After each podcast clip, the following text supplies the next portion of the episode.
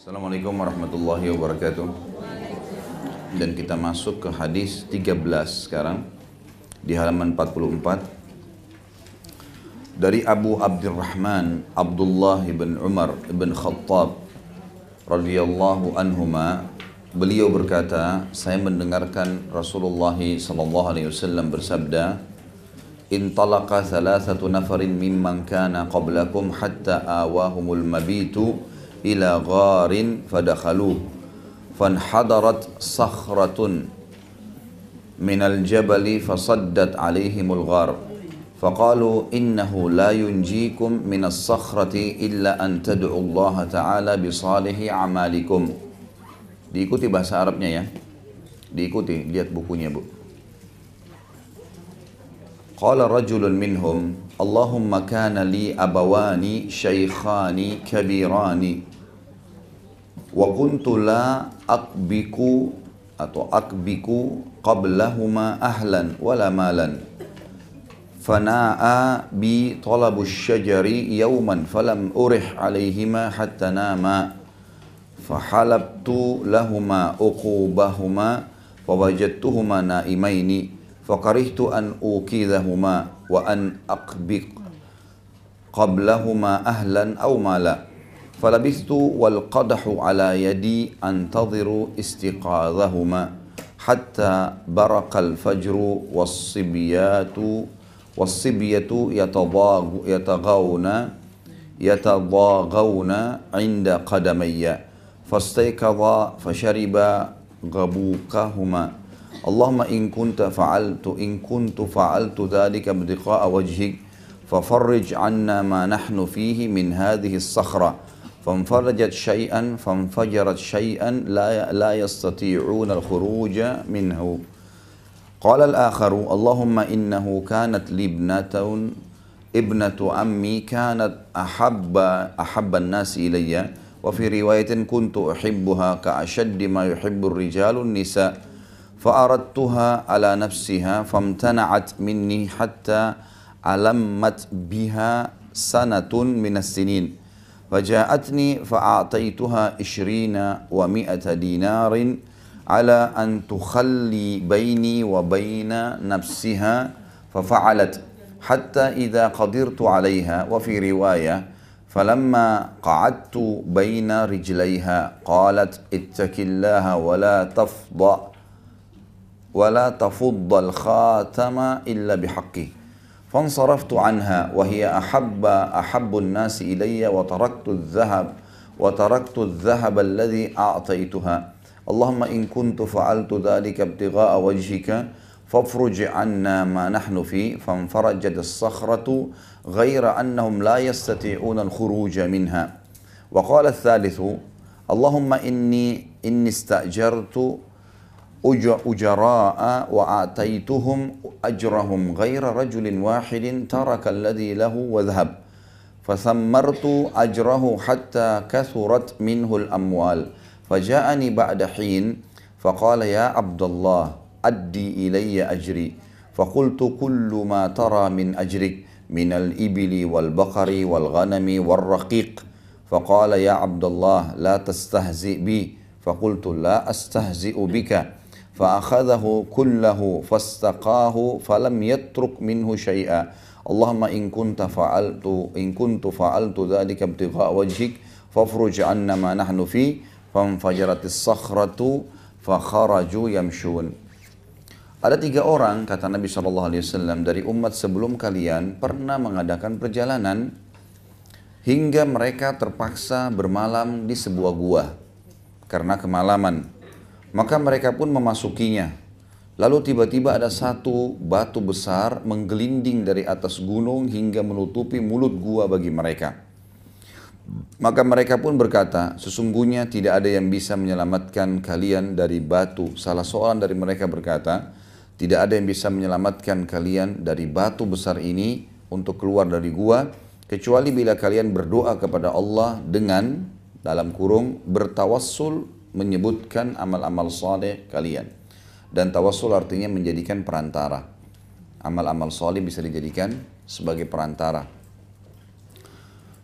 Nanti akan saya masuk ke hukum-hukumnya ya, saya baca terjemahan dulu. Salah seorang dari mereka berdoa, Ya Allah, aku memiliki dua orang tua yang sudah lanjut usia.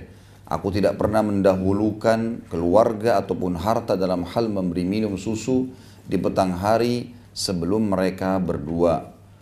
Suatu hari aku pernah pergi jauh dari rumah guna mencari dedaunan untuk makanan unta.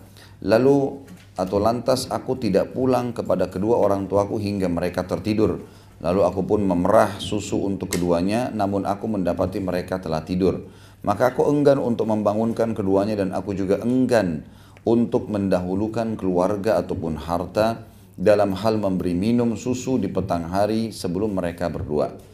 Maka aku berdiri sementara gelas susu ada di tanganku, menunggu kedua orang tuaku itu bangun hingga terbit fajar.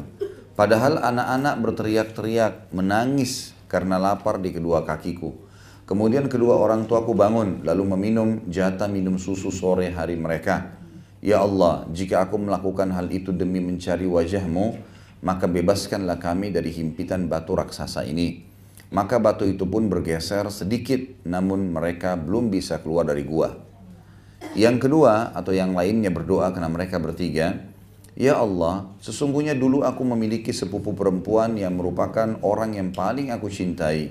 Dalam sebuah riwayat, aku mencintainya dengan cinta seperti cinta yang paling dalam dari seorang laki-laki terhadap wanita. Kalau bahasa kita mungkin tergila-gila dengan wanita ini, maka aku menginginkan dirinya, maksudnya untuk ya e, berzina dengannya. Namun dia menolakku sampai tak kala musim peceklik menghim, menghimpitnya dia datang kepadaku, aku pun memberinya 120 dinar dengan syarat dia mau menyerahkan dirinya untukku dan dia terpaksa menyetujuinya. Hingga tak kala aku telah menguasainya, dalam satu riwayat lain tak kala aku telah duduk di antara dua kakinya, dia berkata, takutlah kepada Allah, janganlah kamu merobek cincin kecuali dengan haknya. Maka aku pun pergi meninggalkannya padahal dia adalah orang yang paling aku cintai dan aku pun membiarkan emas yang telah aku berikan kepadanya.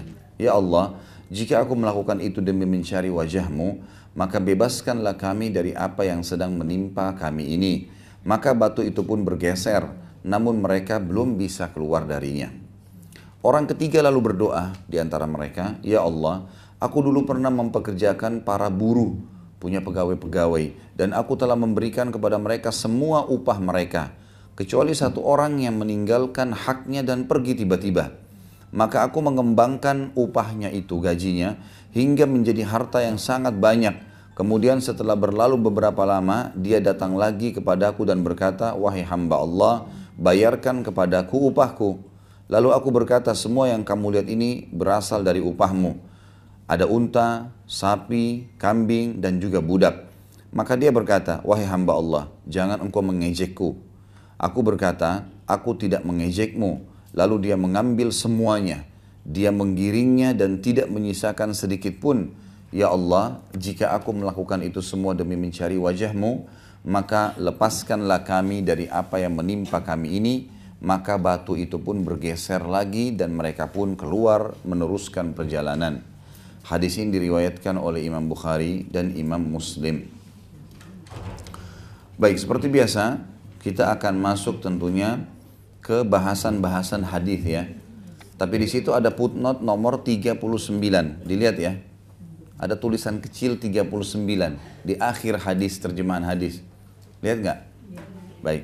Lihat di bawah di footnote ada 39 juga di bawah. Sudah lihat? Baik. Dalam hadis ini kata penulis terdapat doa di saat genting dan tawassul seorang hamba dengan berdoa dengan amal saleh. Tidak berbeda dengannya tawassul dengan nama-nama dan sifat-sifat Allah juga dengan doa orang yang saleh. Adapun tawassul dengan zat para nabi dan wali maka tidak ada dasar syariatnya. Sebaliknya ia bertentangan dengan tawassul yang disyariatkan. Baik, kita sekarang seperti biasa, ibu-ibu sekalian, kita ambil pelajaran darinya. Pelajaran yang pertama, kita masih tentunya di bab kita, bab induk kita. Ini kita masih di bab satu ya, dari Riyadus Solihin, adalah bab niat. Dan ini hadis terakhir di bab niat. Tentu ke depannya kita akan masuk ke bab kedua masalah taubat. Nah hadis ini adalah masih di bab niat, berarti kita masih menyinggung masalah niat. Masalah niat, tolong HP-nya di silent ya. Jadi uh, hadis ini masih bahas, bahas masalah niat. Baik, pelajaran apa yang kita ambil uh, ibu-ibu sekalian? Yang pertama ada hukum tawassul namanya. Ada hukum bertawassul. Tawassul itu artinya menjadikan perantara antara kita dengan Allah. Dan tawassul ada dua macam. Ada tawassul mahmuda dan ada tawassul mazmuma.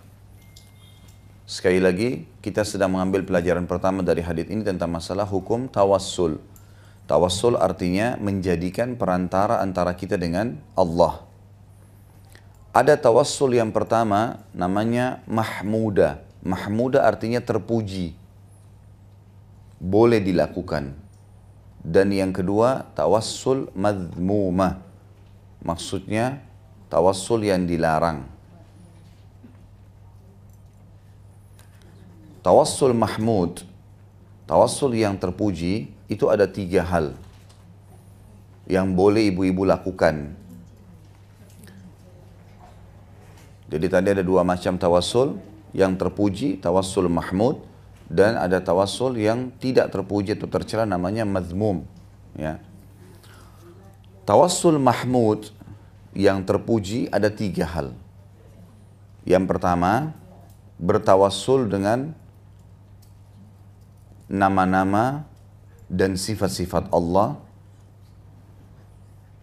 Seperti misalnya ibu mengatakan, Ya Gafur, wahai zat yang maha pengampun, igfirli, ampunilah aku. Ini kita bertawassul namanya. Kita sedang menjadikan nama Allah perantara antara kita dengan Allah. Masuk dalamnya semua doa, semua zikir yang pernah disebutkan dalam Al-Quran dan juga oleh baginda Nabi Sallallahu Alaihi Wasallam. Seperti misalnya doa-doa rukyah, doa-doa yang digunakan untuk berobat, ya. Itu semua masuk dalam itu tawassul namanya. Seperti misalnya hadis Nabi SAW yang berbunyi, siapa pun yang mengunjungi orang sakit kemudian dia membaca tujuh kali, As'alullah al-azim, Rabbul arshil azim, ayyashfiyaka. Saya memohon kepada Allah yang maha agung, pemilik singgasana yang agung agar menyembuhkanmu. Kita baca tujuh kali, kata Nabi SAW, kalau ajalnya belum datang pasti disembuhkan. Misal contoh, jadi kita menggunakan semua doa-doa, baik dalam Al-Quran ataupun sunnah Nabi SAW, untuk bertawassul dengan Allah. Ini yang pertama. Jenis tawassul yang dibolehkan. Yang kedua, kita bertawassul dengan orang soleh yang masih hidup. Kita bertawassul dengan orang soleh yang masih hidup. Misal, ibu-ibu sekalian datang ke orang tuanya lalu mengatakan, ibu, ayah doain saya. Atau kita datang kepada seseorang yang kita anggap soleh, syaratnya masih hidup ya Misal ada seseorang ibadahnya Masya Allah bagus sekali, kita mengatakan doain saya. Seperti misalnya perilaku para sahabat, pada saat mereka datang kepada baginda Nabi Wasallam sambil berkata, Ya Rasulullah doakan saya. Ya Rasulullah doakan orang tua saya. Ya Rasulullah doakan anak saya. Dan Rasulullah SAW lakukan. Gitu kan. Berarti kita menjadikan orang soleh itu perantara antara kita dengan Allah Subhanahu wa taala dan juga pernah di zaman Umar radhiyallahu anhu, di zaman Umar bin Khattab radhiyallahu anhu pernah ditimpa musim peceklik. Madinah kering sekali, panas gitu kan. Akhirnya Umar bin Khattab mengajak masyarakat Madinah untuk sholat ist, uh, istisqa, minta turun hujan. Selesai sholat, Umar bin Khattab lalu berdoa kepada Allah sambil berkata, memanggil pamannya Nabi, Abbas radhiyallahu anhu masih hidup waktu itu. Beliau berkata Umar mengajarkan kepada kita tentang pentingnya bertawassul dengan orang soleh yang masih hidup, tapi tidak boleh sama orang yang sudah mati. Umar berkata, Ya Allah, sesungguhnya kami dulu, dahulu, kami menjadikan Nabi kami semasa beliau hidup sebagai perantara antara kami dengan engkau. Sekarang Nabi kami sudah mati, maka ini pamannya Abbas yang masih hidup akan kami jadikan perantara antara kami dengan engkau, maka terimalah doanya. Lalu Abbas pun mengangkat tangan ke langit, berdoa lalu turunlah hujan. Jadi riwayat Umar bin Khattab sangat jelas sekali ya.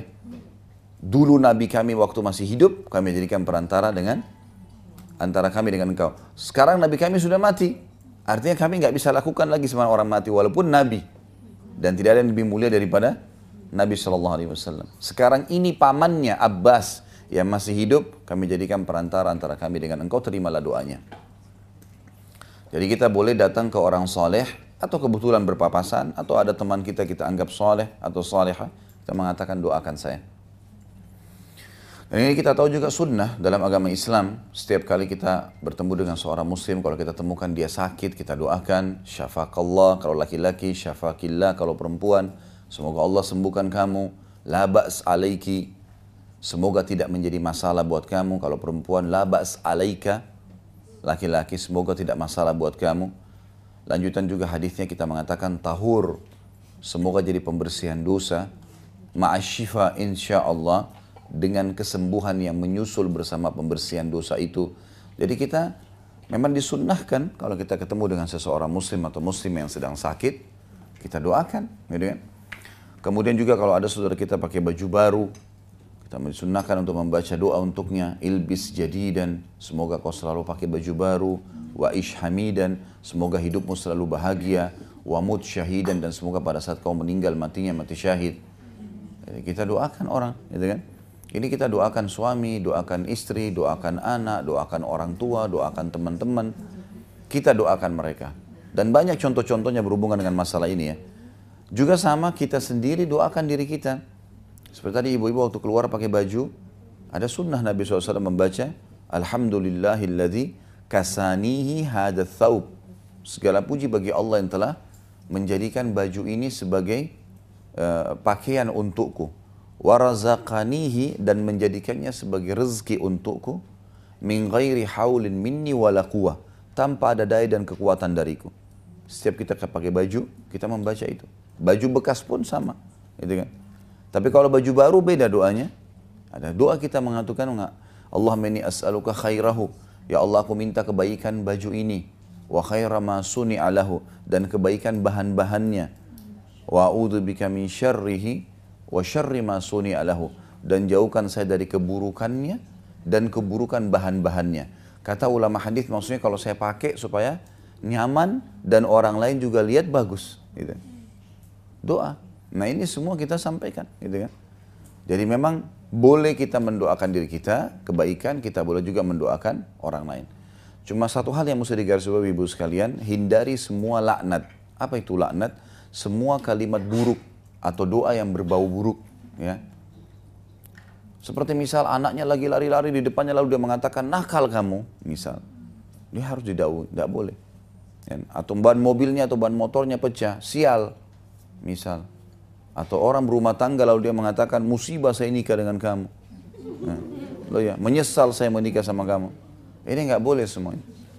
Ya, kalau ini bapak ibu-ibu pernah lakukan, minta kepada Allah istighfar khusus untuk kalimat-kalimat itu. Di antara doa mulia kita mengatakan, Ya Allah, aku beristighfar padamu dari semua kalimat doa buruk yang pernah aku ucapkan. Baik untuk diriku, untuk pasanganku, dan untuk anak-anakku. Karena kadang-kadang terjadi dari kita. Kita tidak tahu itu. Makanya harus hindari. Apalagi subhanallah ada orang yang tidak bisa kontrol lisannya.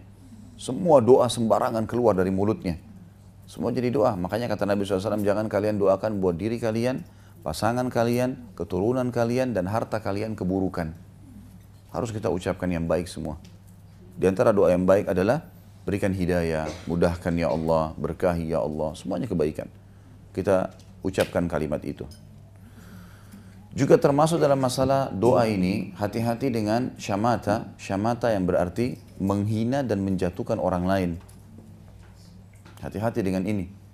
Seperti misal ibu baru pakai mobil baru, tiba-tiba dengan hikmah Allah di sebelah kita lewat mobil tahun 80-an. Atau mungkin tahun 90. Pasti syaitan pertama sekali membisikkan di benak kita, jelek ya mobilnya. Tua, apa sajalah Hindari itu. Lawan. Ya Allah, mudahkan supaya dia ganti mobil baru. Ya. Ucapkan yang baik. Karena ini bahaya, ya.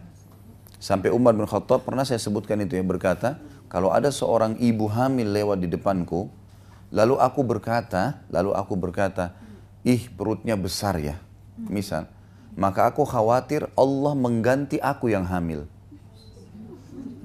Bisa difaham pesannya, pesan keimanan yang kita lihat di sini. Artinya bisa saja Allah malah memindahkan masalah orang itu ke kita. Ih miskin sekali ya, ih kotor sekali ya, ih jorok sekali ya, ini semua nggak boleh. Kita balik doanya. Ya Allah, mudah-mudahan engkau ubah mereka menjadi bersih. Ya Allah, begini, doakan kebaikan. Karena berbahaya. Sampai sebagian mereka berkata, ada satu orang salaful ummah dulu, dari dari tabi'in, dia bilang, ada saya pernah di masjid sholat, kemudian ada satu orang masuk. Orang ini sholatnya khusyuk sekali, luar biasa sholatnya. Sujudnya, sampai orang itu dalam sujud menangis. Lalu saya bilang dalam diri saya, kayaknya riak deh orang ini. Dia bilang gitu. Saya cuma bilang di dalam hati saya, kayaknya ria orang ini. Dia bilang semenjak itu satu bulan saya nggak bisa nangis. Allah haramkan saya dari nangis, nggak bisa nangis. Padahal dia sering nangis kalau baca Quran, eh, hilang nangisnya itu. Gara-gara dia anggap remeh orang saja. Ini bahayanya. Nah kebanyakan rezeki-rezeki, nikmat-nikmat Allah hilang dari kita justru karena masalah seperti ini. Tapi kita nggak sadari. Karena Allah itu maha pengasih dan maha penyayang. Maka kita harus hati-hati. Selalu ucapkan kalimat-kalimat yang baik. Ya, dalam kondisi kita emosi pun selalu ucapkan kebaikan. Yang paling baik kalau kata ulama kita kita ucapkan setiap ada berita.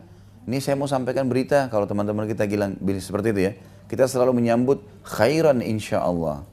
Khairan insya Allah. Semoga Allah jadikan baik. Walaupun itu misalnya berita tentang kematian, berita khairan insya Allah. Mudah-mudahan Allah jadikan kebaikan. Itu termasuk anjuran para ulama untuk diucapkan. Jadi ini termasuk bertawassul yang boleh ya. Meminta doa kepada orang soleh yang masih hidup. Juga termasuk mendoakan diri kita sendiri. Tapi jauhi semua laknat atau doa buruk. Dan jauhi penganggap remeh terhadap orang lain. Jelas ya? Ya, karena ini pasti ibu-ibu coba uh, uh, jeli melihat setiap ada sesuatu yang buruk atau kekurangan depan mata kita, pasti yang setan bisikin itu penghinaan. Karena memang dia tahu itu celah supaya kita yang celaka. Jadi sederhana sekali dia pakai cara seperti itu. Dia tunggangi apa yang sudah menjadi sunnatullah di hadapan kita. Nah, jadi kadang-kadang seperti itu. Makanya di antara doa tadi saya bilang yang bagus adalah kita minta. Kalau perlu kita minta ya Allah, kalau seandainya ada sesuatu yang pernah hamba lakukan, ucapkan, perilaku yang salah, yang bisa menghalangi kebaikan-kebaikan yang datang darimu, gitu kan? Kebaikan berhubungan rumah tangga, kebaikan anak-anak, kebaikan apa saja harta, maka ingatkanlah ya Allah dan ampunilah. Kadang-kadang mungkin kita tiba-tiba teringat, oh kita pernah utang sama orang nih, kayaknya itu pernah saya ambil barangnya nih, belum pernah. Atau pernah saya gosipin orang ini, atau pernah saya lakukan ini, kita jadi teringat. Segera langsung selesaikan telepon minta maaf ya, saya pernah kayaknya ucapin begini tolong minta maaf. Jadi kalau kita meninggal aman, nggak ada musuh hari kiamat. Ya. Dan kita masing-masing individu harus muhasabah itu. Harus kita kita sendiri yang bermuhasabah, kita sendiri yang mengambil keputusan itu karena tidak bisa berubah seseorang kecuali dirinya sendiri yang memulainya. Walaupun seribu orang menasihatin, tidak akan bisa kecuali dia sendiri yang memulainya.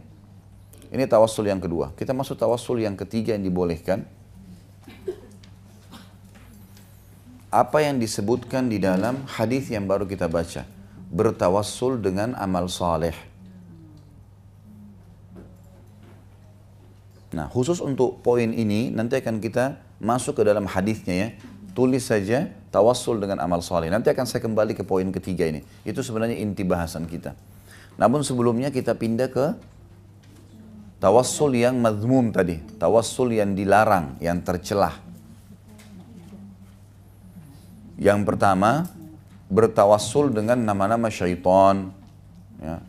doa-doa yang tidak jelas, ngarang-ngarang ya.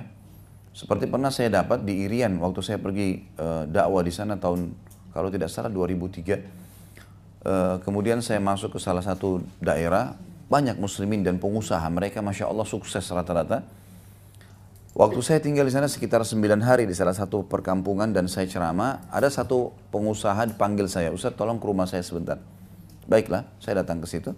Kemudian dia bilang, ini orang tua saya dulu tempel kertas ini, ada kertas ditempel, di belakang pintu kamarnya dia di tokohnya itu. Tokohnya memang sulit untuk difahami ya. Di satu perkampungan di Irian bisa satu bulan sekian miliar gitu omsetnya. Ya. Jadi rata-rata orang muslim sana kaya-kaya. Kenapa? Karena orang asli Irian mereka cari kayu gaharu di hutan, terus mereka barter dengan barang-barang. Kayu gaharu mahal, gitu kan? Per kilonya bisa 10 juta, bisa 15 juta, bisa 20 juta. Nah, ini dibarter sama barang. Mereka beli semua. Jadi dan orang-orang muslim yang punya toko-toko ini rata-rata mereka muslim memang yang buka toko, itu ngambil barang dari kapal-kapal yang datang dari Jawa, itu jatuh tempo. Mereka seminggu dua minggu baru bayar, kapal datang yang kedua baru bayar. Jadi mereka punya uang banyak gitu. Banyak sampai rumahnya kayu-kayu biasa. Sampai mereka bilang, "Ustadz, ini rata-rata orang muslim di sini itu kalau punya satu miliar tabungan semuanya punya." Gitu. Jadi orang-orang mampu gitu. Yang jelas saya dipanggil Ustadz, tolong lihat Ustadz. Tadi Ustadz jelaskan masalah hanya tulisan-tulisan tuannya wirid-wirid yang tidak sesuai dengan ajaran Nabi nih. Dilihatkan sama saya. Saya tulisan itu sudah butek sekali, sudah sangat tua gitu ya. Coklat tua sudah lama, mungkin bertahun-tahun ditempel. Coba Ustadz baca, saya nggak ngerti. Memang bahasa Arab. Tapi anehnya, saya pun tujuh tahun sekolah di Madinah, tiap hari baca buku bahasa Arab, saya nggak bisa baca. Hmm. Saya coba baca, apa ini? Gitu. Insya Allah ya, insya Allah dengan izin Allah tanpa baris pun saya bisa baca karena sudah belajar itu. Tapi ini kok saya nggak ngerti. Saya coba pelan-pelan lihat baik-baik sampai pakai uh, penerangan gitu cahaya. Baru saya tangkap ternyata ini bahasa Indonesia tapi ditulis Arab. Hmm. Isinya itu begini. Ini adalah nama-nama tujuh orang ashabul kahfi. Disebutkan namanya si fulan, si fulan, si fulan, si fulan, si fulan. Dan ini nama anjingnya. Siapa yang menempel ini di rumahnya, tidak akan masuk pencuri. Usahanya akan maju dan seterusnya. Ini dari mana pernah Nabi? Nabi tidak pernah ajarkan pakai namanya tujuh orang ashabul kahfi. Bahkan kita tidak pernah disebutkan namanya siapa. Dari mana nih orang karang-karang nih? Cuma karena kita nggak ngerti, ini tulisan Arab, oh berarti bagus nih. Nah, berarti tulisan Arab gitu kan. Nah ini salah. Kalau dukunnya orang Arab, dia tulis bahasa Arab. Gitu. Harus paham itu. Gitu kan. Lah iya. Jadi jangan sampai salah. Nah ternyata kertas itu ditulis dan ditempel. Maka saya bilang ini nggak bisa. Ini termasuk syirik kepada Allah. Nggak boleh ini wirid-wirid yang tidak pernah ada ajarannya. Cabut, dicabut, musnahkan, dibakar. Ya. Saya juga punya pengalaman yang lain di rumah kakak saya sendiri waktu itu di Makassar.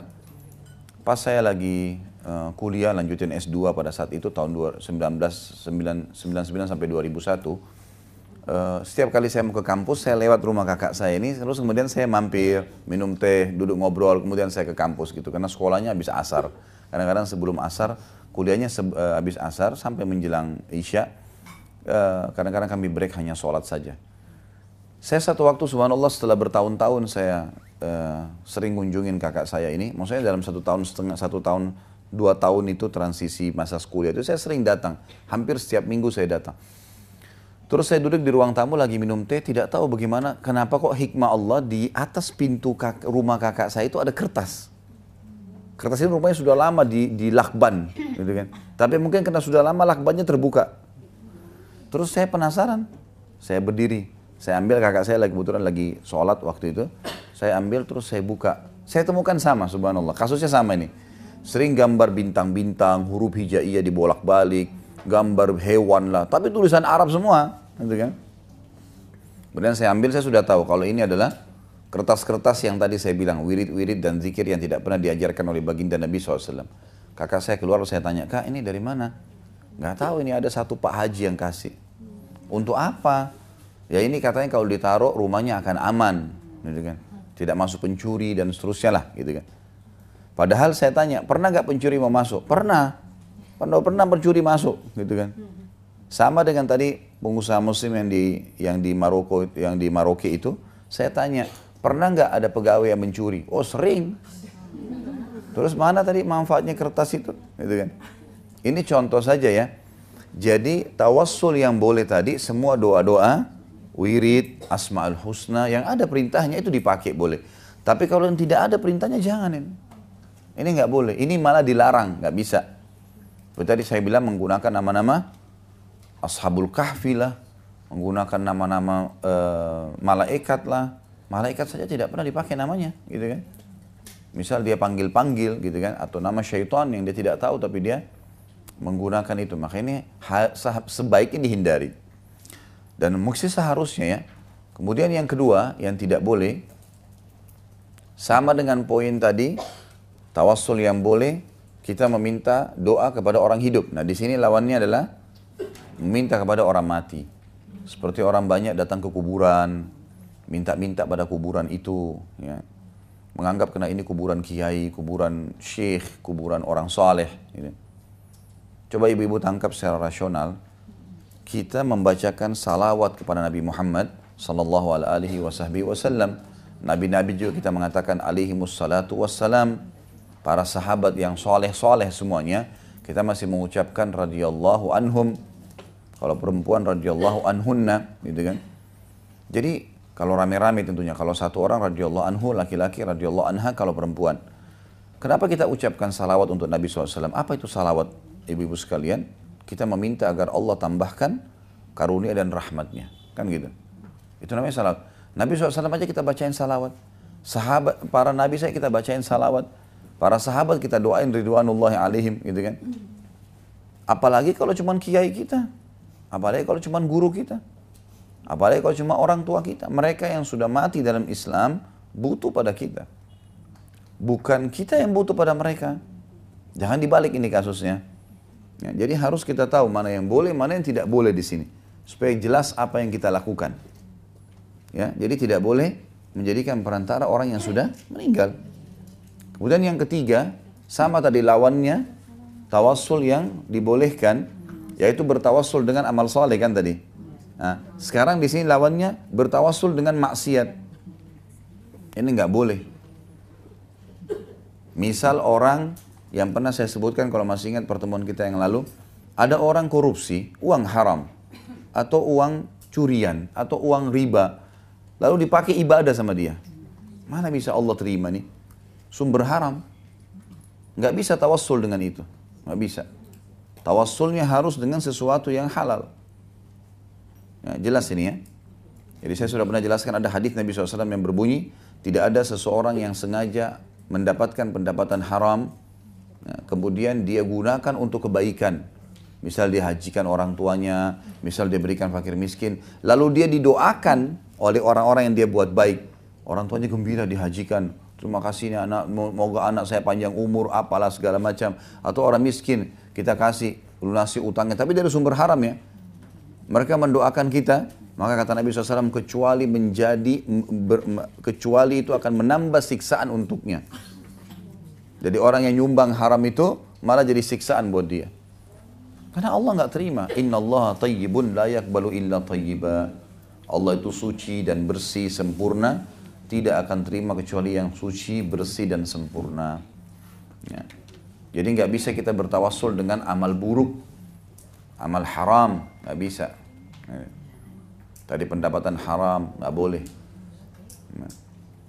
Orang kumpul kebo berzina, kemudian dia bilang ya Allah, saya telah membiayai perempuan ini, ya, sembuhkan penyakit saya. Ini tambah penyakit buat dia, nggak bisa. Kecuali istrinya memang halal dia nikah, yang lalu dia bertawassul ya Allah saya sudah berbuat baik, sama orang ini dan seterusnya. Sebagaimana akan kita kembali ke poin ketiga tadi saya bilang. Kembali ke hadis kita. Jelas ya? Jadi ada tawassul yang boleh, ada tawassul yang tidak boleh. Gitu kan? Ini pelajaran dari hadis kita yang pertama. Nanti kita akan masuk ke dua dan seterusnya. Tapi di poin pertama ini masih ada rincian. Khusus tawassul yang dibolehkan tadi yang mahmud, tawassul mahmud itu, di poin ketiganya kita bertawassul dengan amal soleh kita. Dan contoh yang paling jelas dalam hadis ini. Ceritanya dalam hadis ini adalah ada tiga orang, ada tiga orang yang tiga-tiganya lagi dalam perjalanan, kemudian mereka kemalaman nginep di dalam gua, tiba-tiba karena hujan lebat, longsor, ada batu besar jatuh nutupin pintu gua.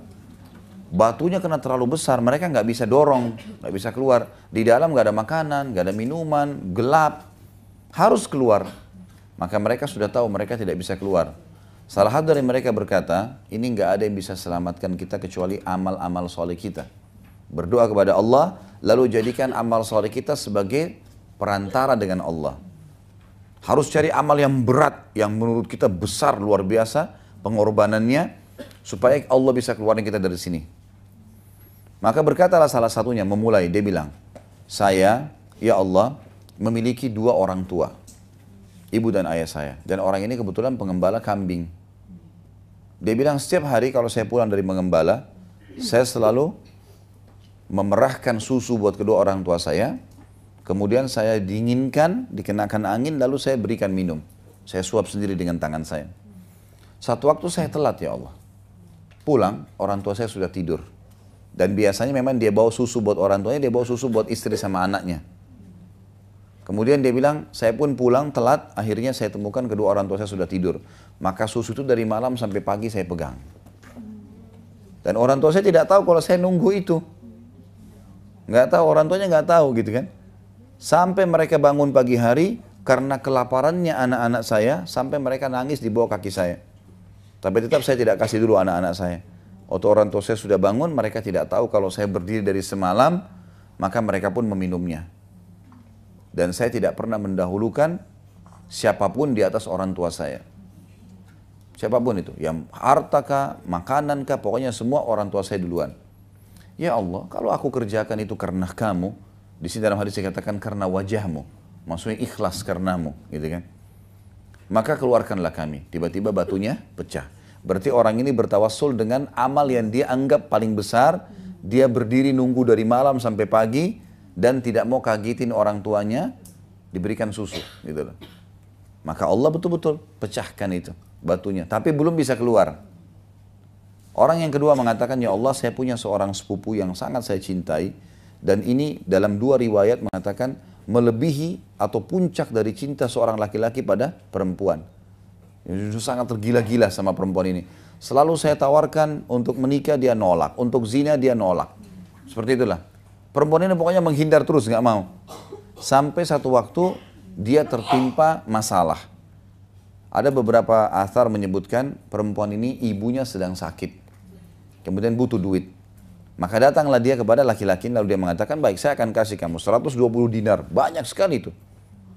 Nah, mungkin kalau sekarang puluhan atau ratusan juta jumlahnya. Ini saya uh, berikan kepada dia tapi dengan syarat dia harus menyerahkan dirinya. Karena dalam keadaan kepepet perempuan itu pun menyerahkan dirinya dan pada saat saya sudah berada di antara dua pahanya, tidak menggunakan selai kain pun, sudah tinggal meletakkan kemaluan di kemaluan dan perempuan yang sangat dia cintai. Tiba-tiba perempuan itu mengatakan, jangan kau letakkan cincin kecuali pada tempatnya, atau makna terjemahan yang tadi dikatakan, jangan kamu sobek perawan saya, gitu kan, bahasanya, kecuali dengan haknya. Kalau kau sudah nikahi saya lain, gitu kan. Dia bilang dalam kondisi saya sangat mencintainya, sulit sekali untuk memberhentikan di depan matanya, di antara dua pahanya. Kemudian dia bilang, saya meninggalkan karena saya takut mendengar kalimat, ittaqillah, bertakwalah kamu sama Allah. Takut. Maka ya Allah saya tinggalkan dia dalam kondisi wanita yang paling saya cintai, bertahun-tahun saya kejar. Saya tinggalkan dan saya juga tidak mengambil kembali 120 dinar itu. Udah buat dia deh, biar dia selesaikan masalahnya. Kalau itu karena wajahmu ya Allah, keluarkan kami. Ternyata betul Allah pecahkan. Dan ini berat, satu hal yang bobotnya besar gitu. Kemudian yang ketiga mengatakan, saya punya seorang pegawai, saya punya banyak pegawai yang saya kasih gaji-gaji mereka. Ada satu pegawai, tiba-tiba aja pergi, nggak ngambil gajinya. Lalu kemudian gajinya saya belikan beberapa ekor hewan ternak dan juga hamba sahaya. Kemudian saya kembangkanlah itu sehingga menjadi sebuah lembah yang penuh dengan uh, kambing, unta dan sapi. Jadi bertahun-tahun dia nggak kembali-kembali nih. Dia bilang saking, jadi bahasa dia begini, saking sibuknya saya ngurus hartanya orang ini, mantan buruh saya, sampai saya nggak sibuk ngurus usaha saya sendiri. Jadi usahanya, pegawainya ini yang terus dikembangin sama dia. Sampai hewan ternaknya lebih banyak daripada hewan ternak pemilik ini. Ya. Dia bilang satu waktu, datang orang ini tiba-tiba dia mengatakan, Hai Fulan, si mantan pegawai bilang sama mantan majikannya, gitu kan. Hai fulan, bertakwalah sama Allah. Saya dulu punya gaji berapa bulan saya nggak ambil, saya mau minta sekarang. Maka dia pun dia bilang, saya berkata, apa kau lihat lembah itu? Dia bilang iya, semua penuh dengan kambing, unta, sapi gitu. Dia bilang iya, itu punya kamu semua. Dari gaji kamu saya kembangin. Sampai pegawainya nggak percaya mengatakan, jangan kau olok-olok saya. Saya cuma minta gaji saya. Kata dia tidak. Ini memang hak kamu yang saya kembangin.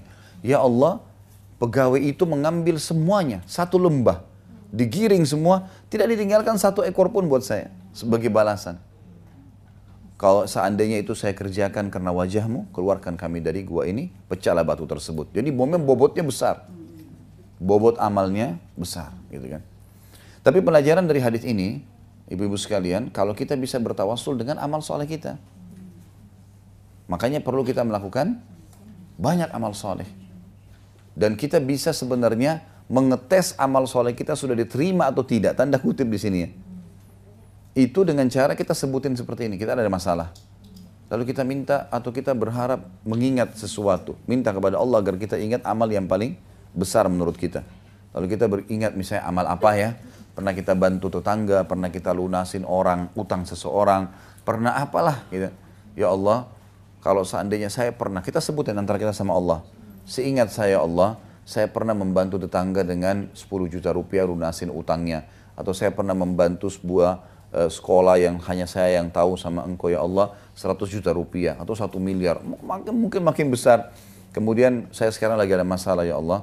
Misal anak sakit misal ini misal itu keluarkanlah kami dari masalah ini. Misal bisa selesaikan urusan? Insya Allah Allah akan kalau memang itu amal diterima sama Allah Allah akan mudahkan kita untuk keluar dari masalah kita hanya saja perlu difahami memang jawaban dari Allah bisa kadang-kadang spontan datang atau kadang-kadang butuh proses ya seperti pernah saya kasih contoh, kita kalau berdoa, ya Allah hilangkan lapar saya. Laparnya nggak spontan hilang kan. Tapi kita dapat makanan, kita kunyah dulu, kita telan dulu, baru kemudian diproses sama usus, baru laparnya hilang. Kita capek, Allah buat kita ngantuk, tidur, istirahat. Kemudian baru bangun tidur setelah itu, baru kemudian capek kita hilang. Seperti itulah. ya. Tapi dalam hadis ini dikatakan memang mereka spontan pada saat itu bisa keluar. Walaupun kita perhatikan ya, amal-amal ini kan amal-amal bobotnya berat ya, besar ini. Yang berdiri dari malam sampai pagi pegang susu. Kadang-kadang Allah kita kalau buatin ibu kita minuman, kita taruh di meja makan, selesai. Ibu itu minumannya. Nah, ibu mau nggak kira-kira pegang dari malam sampai pagi? Nah. Ini belum kamar mandi, belum ngantuk mau tidur, belum ini, belum mau makan sendiri. Contoh, tapi itu pun belum bisa mengeluarkan mereka. Harus saling bantu tiga orang nih. Yang kedua tadi tinggalin zina yang sudah jelas-jelas depan matanya bisa dilakukan. Yang ketiga seluruh harta yang begitu banyak dibawa sama pegawainya. Baru mereka bisa keluar dan itu pun sebagian ulama hadis mengatakan batu itu pecah hanya untuk ukuran satu orang keluar. Bukan semua batunya hancur enggak. Jadi satu orang keluar dulu, baru satu orang keluar baru gitu, tiga orang keluar. Jadi bayangkan bobot amal sebesar ini itu hanya baru bisa memecahkan batu sekecil itu. Berarti kita butuh bobot amal yang besar. Ya kan? Saya waktu jelaskan ini di salah satu majelis, ada satu orang yang nanya sama saya, saya nggak tahu itu ibu-ibu atau bapak-bapak, tapi jelas dia bilang, Ustadz boleh nggak satu amal soleh kita gunakan berulang-ulang, gitu kan, untuk memecahkan masalah. Saya bilang sebenarnya kita nggak bisa mengatakan tidak boleh ya, rahmat Allah luas. Tapi masalahnya yang kita harus pikir, sebesar apa bobot amal soleh yang kita mau sampaikan ke Allah nih? Kalau hanya sekedar saya kemarin ya Allah sedekah 2000 rupiah. Hmm. Bagaimana caranya nih? Bobotnya seperti apa gitu? Atau ya Allah pernah saya tinggal di masjid antara duhur sama asar baca, baca dua lembar Quran. Ya. Bukan seperti sesuatu yang besar. Gitu. Kalau orang misalnya, ya Allah saya pernah menyendiri tujuh bulan satu tahun untuk hafal Quran. Saya tidak ganggu waktu saya yang lain kecuali Quran. Mungkin bobotnya besar. Ya. Bobotnya besar.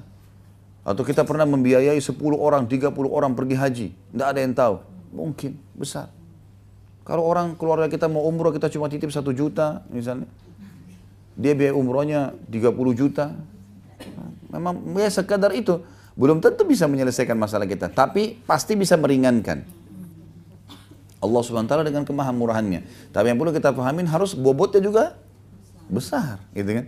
Kalau mau dapat ikan paus harus pakai kapal tanker. Nggak bisa pakai pancing kecil. Kan begitu, karena kita kadang-kadang rewel yang pernah saya bilang. Sudah sumbangnya cuma 10 ribu rupiah, minta kesehatan, kekuatan, keturunan, selamat dari masalah, segala macam. Ini rewel betul sama Allah, padahal sumbangannya sedikit gitu kan. Andilnya sedikit. Baik, itu pelajaran kita yang pertama dari hadis dan ini yang paling penting tentang masalah hukum tawassul. Mana tawassul yang boleh, mana tawassul yang tidak boleh dan sudah kita rincikan bagaimana perbuatan para orang-orang soleh ini. Baik. Yang kedua Bapak Ibu sekalian, kita rincikan, kita rincikan uh, ketiga perbuatan orang ini. Yang pertama, uh, pelajaran kedua dari hadis adalah besarnya pahala orang yang bakti dengan orang tuanya. Besarnya pahala bakti dengan kedua orang tua. Baik mereka masih hidup atau mereka sudah meninggal. Baik mereka sehat atau mereka sakit. Baik mereka itu normal atau mereka itu gila. Tetap semua pahalanya besar. Ya. Mereka masih kuatkah? Mereka sudah sakitkah? Mereka sehat atau sakit? Mereka kaya atau miskin? Mereka sadar atau tidak sadar? Ya. Gila atau normal? Tetap saja bakti dengan orang tua pahalanya besar. Kenapa saya ucapkan ini? Karena ada orang, begitu orang tuanya sudah tua, ikut-ikutan seperti orang non-muslim, masukkan ke panti jompo. Nggak diurus sama dia. Karena nggak mau pusing. Enggak ini. Kita boleh panggilin suster di rumah, panggilin perawat, laki-laki kalau kalau ayah kita, perempuan kalau ibu kita, kita biayai, tapi kita juga perhatian. Kita juga perhatian. Sama dengan ibu-ibu yang punya anak-anak, anak-anak lagi di sekolahin. Bukan berarti kita lepas ke sekolah semua, kita juga butuh didik mereka. Jangan gurunya semua yang panen pahala. Kita juga gitu. Pulang sebentar, nak belajar apa tadi nak? Ini, ini, ini. Kita tambahin, oh iya nanti kamu begini ya. Tadi saya diajarin sholat ibu. Nah, sholat itu begini. Kita tambah. Apa sesuatu yang kita punya andil di situ? Supaya kita punya juga punya punya punya sesuatu gitu kan. Jangan dilepaskan begitu saja. Tapi yang jelas orang tua ini wajib kita bakti. Mereka masih hidup atau mati. Sakit atau sehat. ya Normal atau gila. Gitu. Gak ada urusannya. Bakti, apa pun. Dibuatin minuman, penuhi kebutuhannya, hibur hatinya. Ya. Dan kita hindari semua yang berbau membuat mereka marah. Mereka murka. Hanya mereka ucapin kata-kata yang tidak baik. Maka ini besar sekali pahalanya bakti dengan orang tua. Makanya pernah ada seseorang datang kepada Hasan Basri rahimahullah seorang ulama tabi'in dan berkata, "Wahai imam, saya punya orang tua yang sudah saya punya ayah yang sudah sangat tua, pikun, stroke. Di atas ranjang nggak bisa bergerak apa-apa. Kalau ngomong juga sudah ngelantur ke mana-mana. Ya, kadang-kadang mencaci maki dan seterusnya. Maaf bahasanya begitu, buang air besar, buang air kecil di atas ranjangnya. Waktu zaman dulu tidak kayak sekarang banyak wadah bisa wadah-wadah sekarang sudah banyak wadah yang bisa kita pakai sudah steril sudah bersih segala. Zaman dulu nggak ada. Dia bilang pada saat dia buang air besar buang kecil saya tampung dengan tangan saya. Jadi tinjanya itu ditahan dengan tangannya saya tahan sama tangan saya. Sampai dia selesai buang air saya bersihin saya cuci saya tidak merasa jijik sama sekali. Bertahun-tahun saya urus begitu. Pertanyaan dia apa? Wahai imam kalau imam kita kiai sekarang apakah saya sudah balas bakti ayah saya Kata Hasan Basri, sama sekali belum. Bukan belum, sama sekali belum. Dia bilang, saya tiap hari bersihin seperti ini. Lalu anda bilang, belum? Pada saya ikhlas nih karena Allah. Dia bilang, iya. Kenapa? Tahu alasannya kenapa? Dia bilang, kata Hasan Basri, karena dulu waktu kamu masih kecil, ayahmu memandikanmu, ayahmu membersihkan kotoranmu, walaupun cuma sekali dia kerjakan, dia berharap pada saat dia bersihkan kamu, kamu menjadi tokoh masyarakat.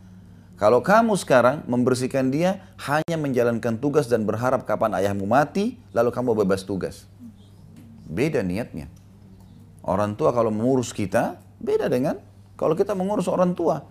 Kita bebannya betul-betul hanya karena kewajiban. Ini orang tua saya, tidak ada orang lain yang urus, terpaksa. Atau apalagi kalau ria, di depannya orang baru kita berbuat baik sama mereka, kalau di belakang kita malah kasar. Allah semua tahu ini. Ya.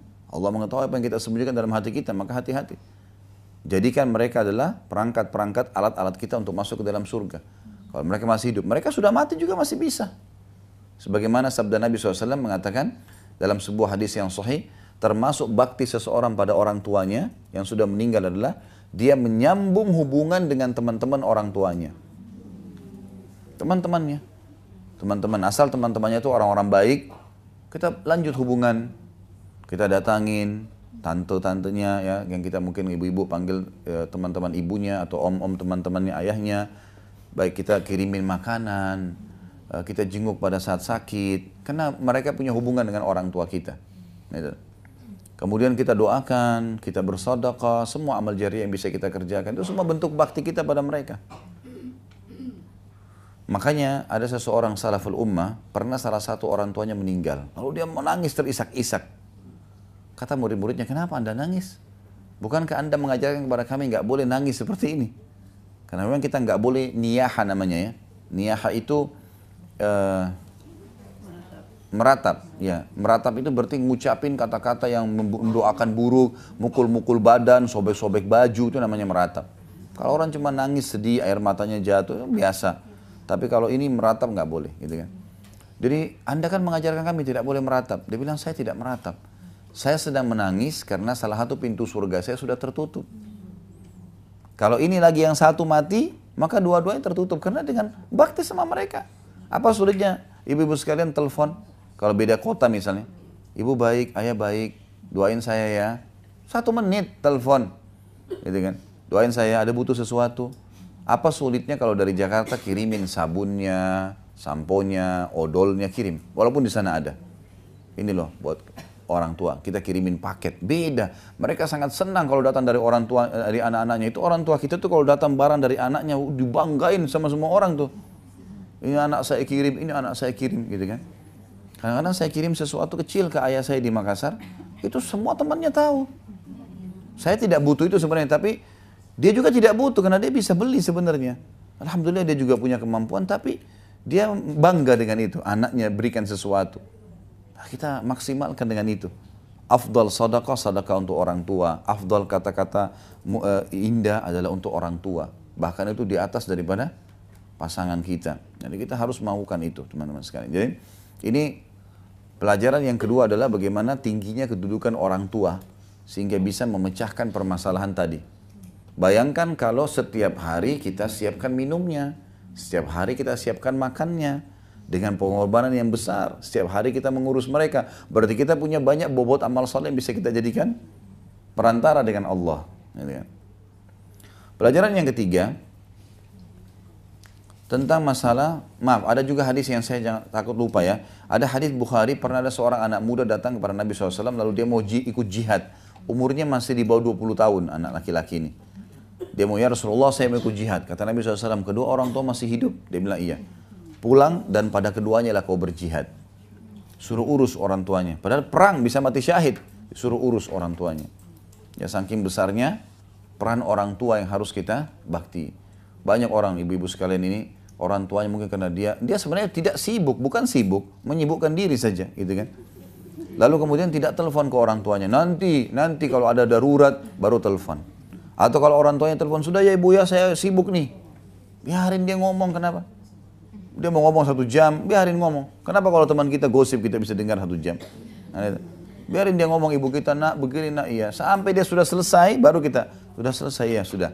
Baiklah, apa yang dipesan silakan. Saya kalau ayah saya telepon, saya tidak pernah tidak pernah berani mengatakan sudah ya, enggak. Tunggu mereka mengatakan ya sudah kalau gitu ya, ya udah. Abah doain ya, ya didoain sama dia sudah selesai. Kalau enggak enggak, saya enggak berani tutup dulu teleponnya. Gitu kan, biarin beliau yang yang tutup. Ada beberapa syekh di Saudi itu pernah lagi pengajian ditelepon sama ibunya.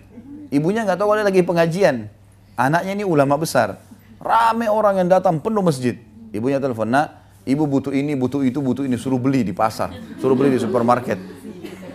Karena memang biasa syekh ini yang bawain kejunya, madunya, roti segala. Dia nggak tahu kalau lagi pengajian. Nak, ibu lagi butuh ini, butuh ini. Baik ibu. Insya Allah saya siapin. Ada lagi yang ibu? Nggak ada. Sudah ya nak? Ya, assalamualaikum tutup. Sudah itu. Dia nggak bilang, bu maaf saya lagi pengajian, jangan ganggu nggak. Jemaah, ibu saya butuh saya. Pengajian kita tutup. Assalamualaikum. Pergi. Supermarket beli, bawa beli ini ibunya. Lihat bagaimana mereka gitu kan. Ada seorang syekh di Jeddah begitu. Dia lagi isi pengajian ini, ayahnya telepon. Ayahnya telepon. Nah, sudah sama Ayah pengen undang teman-temannya ayah nih makan. Butuh lima ekor kambing. Baik ayah. Ada yang lain? Enggak, enggak ada. Pokoknya itu butuh secepatnya ya. Baik. Ditutup sama dia. Lagi pengajian nih. Maaf jemaah ayah saya butuh kambing. Saya harus beliin kambing ya. Itu tuh pengajian. Assalamualaikum. Apa yang dia buat? Kalau kita mungkin ya, mungkin. Saya pun sempat terpikir sebelumnya, kalau ayah saya telepon, Ya udah saya transfer uang gitu kan. Misal, karena dia mau ajak teman-temannya makan. Ayahnya nggak suruh perbuatan dia yang dia lakukan ya ini nanti akan dia buat satu perbuatan yang luar biasa. Cuma bilang saya butuh kambing. Mungkin kalau kita simple. Sekarang kan ada bank bisa transfer. Baik ayah saya transfer, ya, ayah beli sendiri ya, pilih aja. Bisa kita bilang gitu kan. Enggak, orang ini enggak. Dia berhenti pengajian, dia sewa mobil pick up, dia beli kambing di Jeddah, dia bawa ke Qasim. Mungkin seribu kilometer. Bawa dia setir sendiri. Sampai depan ayahnya. Kasih salaman, ayah ini pesanan kambingnya. Saya mau balik, balik. Begitu mereka bakti sama orang tuanya, bayang. Ini. Kita kadang-kadang titip sama pembantu, kasih ibu saya ya, kasih ayah saya. Datang, bawa ke dia, suapin, mau saya suapin, kasih, kebanggaan. Itu semua ada pahalanya. Besar sekali. Dan banyak contoh-contoh berhubungan dengan masalah ini. Jadi jangan sia-siakan, apalagi kalau masih hidup, luar biasa itu. Jaga itu. Ya. Itu luar biasa itu. Saya usahakan, kalau saya pribadi, saya berbagi uh, ibu sekalian, saya usahakan Semampu saya setiap hari harus telepon. Nah ibu saya sudah meninggal, ada ayah saya Alhamdulillah masih, saya selalu telepon. Dan kalau saya telepon itu kayak gembira sekali beliau. Selalu tutup, ayah, eh, abah teleponin saya, saya panggil abah, abah telepon, eh, ayah, abah doain saya. Iya, insya Allah mudah urusan nanti begini nanti. Semua setiap tutup telepon pasti mudah urusan saya. Kenapa nggak lakukan itu? Luar biasa Allah siapkan orang ini untuk kita gitu. Fasilitas, kenapa nggak dipakai? Ada orang subhanallah setahun sekali telepon orang tuanya. Kalaupun mudik dia pulang ke kampung ketemu orang tua setengah jam, habis itu kumpul sama teman-temannya. Nah, ya. Istri saya kalau pamit pulang ketemu orang tuanya saya ingatkan, jangan ketemu teman-teman kamu ya. Kalau mereka mau datang, datang ke rumah silakan. Kesempatan bakti sama orang tua. Buatin tehnya, cuciin bajunya, buat apalah ya. Kesempatan di sana. Jangan sampai itu. Karena pulang sini nanti tugas ada lagi di rumah. Maka itu di sana. Loh memang betul. Itu kan apa adanya ya, memang begitu. Dia akan tersibukkan. Jadi jangan sampai kita, bukan tidak boleh ketemu sama teman-teman, tapi ada orang begitu. Baru salaman sama ibunya, sedikit ngobrol, sudah langsung temannya datang keluar. Pergi ke jalan ke mana, jalan ke mana gitu kan. Bukan tidak boleh, tapi kesian ibu kita kan, ya sudah nak nggak apa-apa. Tapi dia sebenarnya rindu. Dia mau duduk, tidur sama dia, ngobrol, pijitin tangannya, butuh apa. Ya. Harusnya begitu ya. Nah, ada sebagian ada sebagian pemimpin muslim dulu di zaman dulu itu kalau kalau mereka sudah jadi raja gitu kan, tetap datang ke ibunya, tetap datang ke ayahnya. Duduk ngobrol seperti waktu dulu sebelum jadi raja, ngobrol, tetap duduk di bawah orang tuanya di atas kursi. Ibunya sempat bisikin, "Apa kamu nggak merasa raja itu harusnya duduk di kursi?" Dia bilang, "Ibu, saya jadi raja juga karena saya juga dari rahimnya ibu." Nggak ada nggak ada bedanya. Saya saya dulu sama saja. Mau jadi raja pun sama. Jadi mereka coba menekan rasa sombong, merasa lebih. Karena kita juga dari situ kan. Ada seseorang telepon Syekh, ini ada cuplikan di Youtube dikirim. Dia bilang, e, Syekh, uh, ibu saya, saya ingin berikan sumbangan, bantuan. Karena ibu saya minta bantuan, gitu kan. Minta bantuan. Mana lebih baik Syekh? Saya kasih bantuan ibu saya, atau saya dahulukan dulu kebutuhan saya? Langsung syekhnya enggak bukan jawab pertanyaan itu dia dia syekhnya tiba-tiba nangis dan mengatakan, "Apa kau bisa ngucapin untuk ibumu kau berikan sumbangan? Kamu dan hartamu punya ibumu. Gimana kamu bilang itu kau bantu ibumu? Jangankan hartamu kamu sendiri tuh milik ibumu. Ibumu mau pukul kamu, mau marahin kamu itu milik miliknya dia. Gimana kamu bilang mau kasih sumbangan? Ini nggak mungkin, gitu kan? Bahkan kalau nggak salah tuh dia bilang zakat. Zakat orang tua nggak boleh terima zakat. Orang tua dan anak nggak terima zakat ini. Jalur langsung ke atas, jalur ke bawah nggak terima zakat. Karena mereka kewajiban kita. Zakat itu diberikan yang lain. Saudara, paman, iya. Tapi ini dua ini nggak bisa sama sekali. Kewajiban kita. Gitu kan? Jadi harus kita bagaimana maksimalin orang tua kita ini. Sudah meninggal pun kita bisa bakti dengan cara sodokain Al-Quran, ya, doain, sebut-sebut kebaikannya. Ini semua adalah pintu-pintu yang baik. Kemudian pelajaran kita yang ketiga adalah amal saleh meninggalkan perbuatan zina. Yang ketiga adalah meninggalkan perbuatan zina. Tentu ibu-ibu kita tahu di dalam kehidupan setiap orang mungkin terlintas kesempatan dia untuk berzina. Ada saja godaan dari lawan jenis, kapan dia sendirian bisa saja ter, bisa terbuka pintu apa saja dia bisa lakukan. Tapi bagaimana seseorang mengontrol dirinya di sini? Nah, ini fadilah yang sangat besar. Salah satu yang membuat mereka bisa keluar dari gua justru karena meninggalkan zina di mana dia mampu mengerjakannya. Dia bisa mampu mengerjakannya, gitu kan? Dia punya kecantikan, dia punya kegagahan, dia punya kekayaan, dia punya keilmu pinter, banyak yang bisa dilakukan, tapi dia tinggalkan. Karena sabar dua hal, sabar dalam mengerjakan ketaatan dan sabar meninggalkan kemaksiatan itu butuh dua-duanya ya.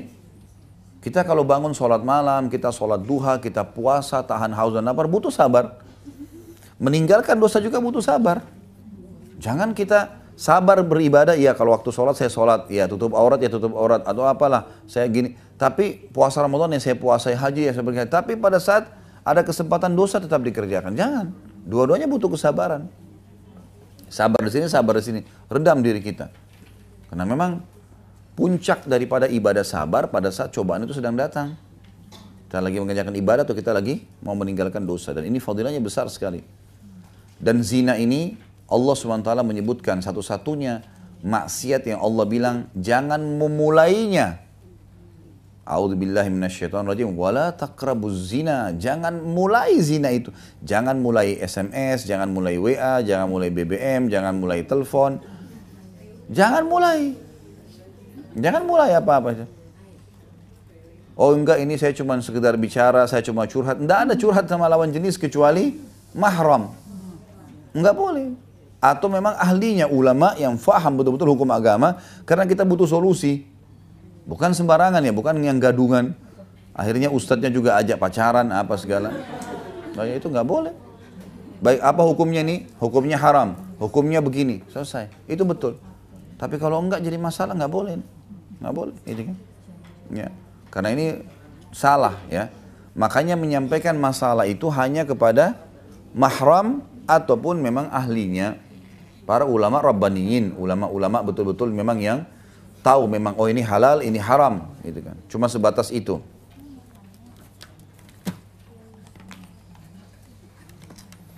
Baik, kemudian yang ketiga dan yang terakhir, eh, maksud saya poin yang uh, manfaat yang keempat dari hadis adalah Masalah pentingnya orang bersedekah. Pentingnya orang bersedekah dan berbuat baik pada orang lain tanpa pamrih, tanpa berharap balasan ya. Tanpa berharap balasan karena memang tadi di sini orang yang membantu pegawainya tadi itu dia tidak berharap pamrih, tidak berharap tidak berharap balasan. Nah ini fadilah sangat besar dan memang ini yang penting ya. Kita kalau bersedekah, ibu kalau berikan makanan tetangga, tidak usah berharap dibalas juga dengan makanan. Tidak usah kita bantu seseorang, tidak usah berharap ucapan terima kasih darinya. Gitu kan? Karena kalau kita beri seseorang lalu kita berharap sesuatu, berarti kita nggak ikhlas di situ. Dia bilang terima kasih, nggak bilang terima kasih, nggak masalah itu. Nggak penting buat kita. Karena inna malam malu bin niat. Niat kita begitu ya sudah Allah balas kok. Dan ini pelajaran dari situ ya. Ini pegawainya nggak pernah minta loh. Dia sendiri ambil inisiatif mau membantu pegawainya. Nggak lebih daripada itu, gitu kan? Lalu kemudian pada saat pegawainya pun ngambil bawa semua apa yang sudah di, diinvestasikan buat dia tanpa berbagi. Padahal gajinya misalnya misal dia gajinya satu juta satu bulan, berarti tiga juta. Misal pernah ada orang jadi pembantu di rumahnya ibu. Tiga bulan nggak terima gajinya, dia pergi tiba-tiba. Dia lari kah, dia apa saja, anggap dia salah. Misal, gajinya tiga bulan nggak diambil. Kita sepakat tiap tiga bulan kamu ambil gaji kamu, tiba-tiba dia pergi, dia kerja tempat lain segala. Tetap dia dia salah karena melanggar akad, tapi kita salah kalau kita nggak kasih 3 juta itu. Baik ibu ternyata punya butik, 3 juta itu ibu masukin, mulai beli baju, mulai beli jilbab, tiba-tiba jadi 100 juta. Kira-kira kalau pembantu itu balik, ibu kasih 3 juta atau 100 juta? Jujur. Nah ini masalahnya. Kita menganggap, wah kan dia cuma punya 3 juta. Padahal kita jadikan modal masuk dalam usaha. Nah ini yang terjadi di kasus ketiga. Ternyata dia bukan cuma kasih 3 jutanya, dia kasih sama semuanya. Kalau sudah jadi 100 juta bahkan 1 miliar dikasih semua. Karena ini satu lembah penuh dengan unta, kambing, sapi, penuh. Semua dikasih sama dia, ini punya kamu. Saya dulu investasikan buat kamu. Dan ini juga kejujuran seorang muslim ya. Bagaimana seorang muslim itu jujur dengan apa adanya. Kalau bukan hak kita jangan diambil. Bukan hak kita jangan diambil. Orang titipin barang, titipin barang. Jangan dipakai harus sama kita.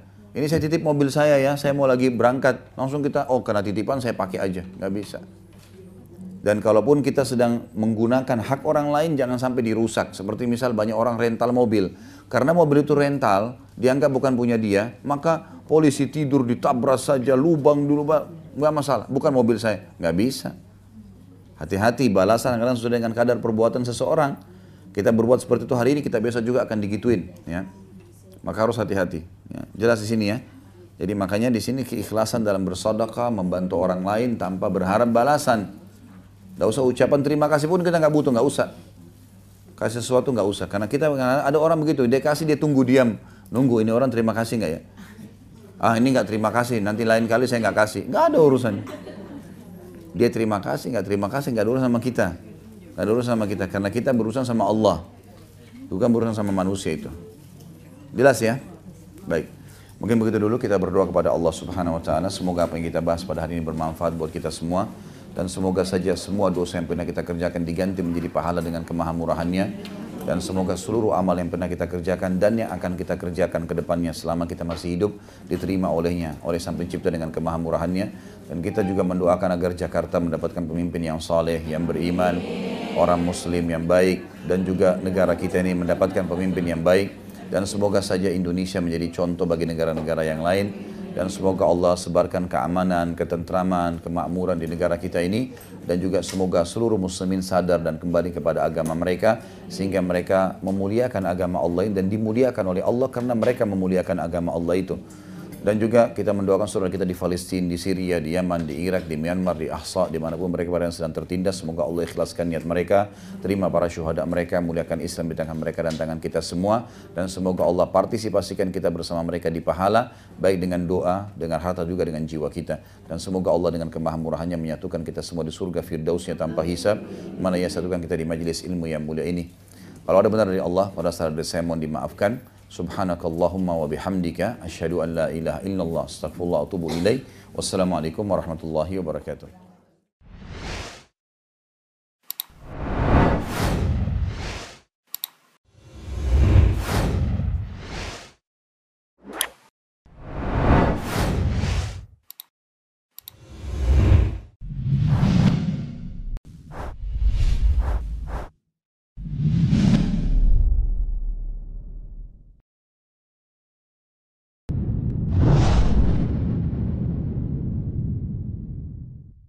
Assalamualaikum Untuk pemesanan paket umroh murah Bisa menghubungi 0821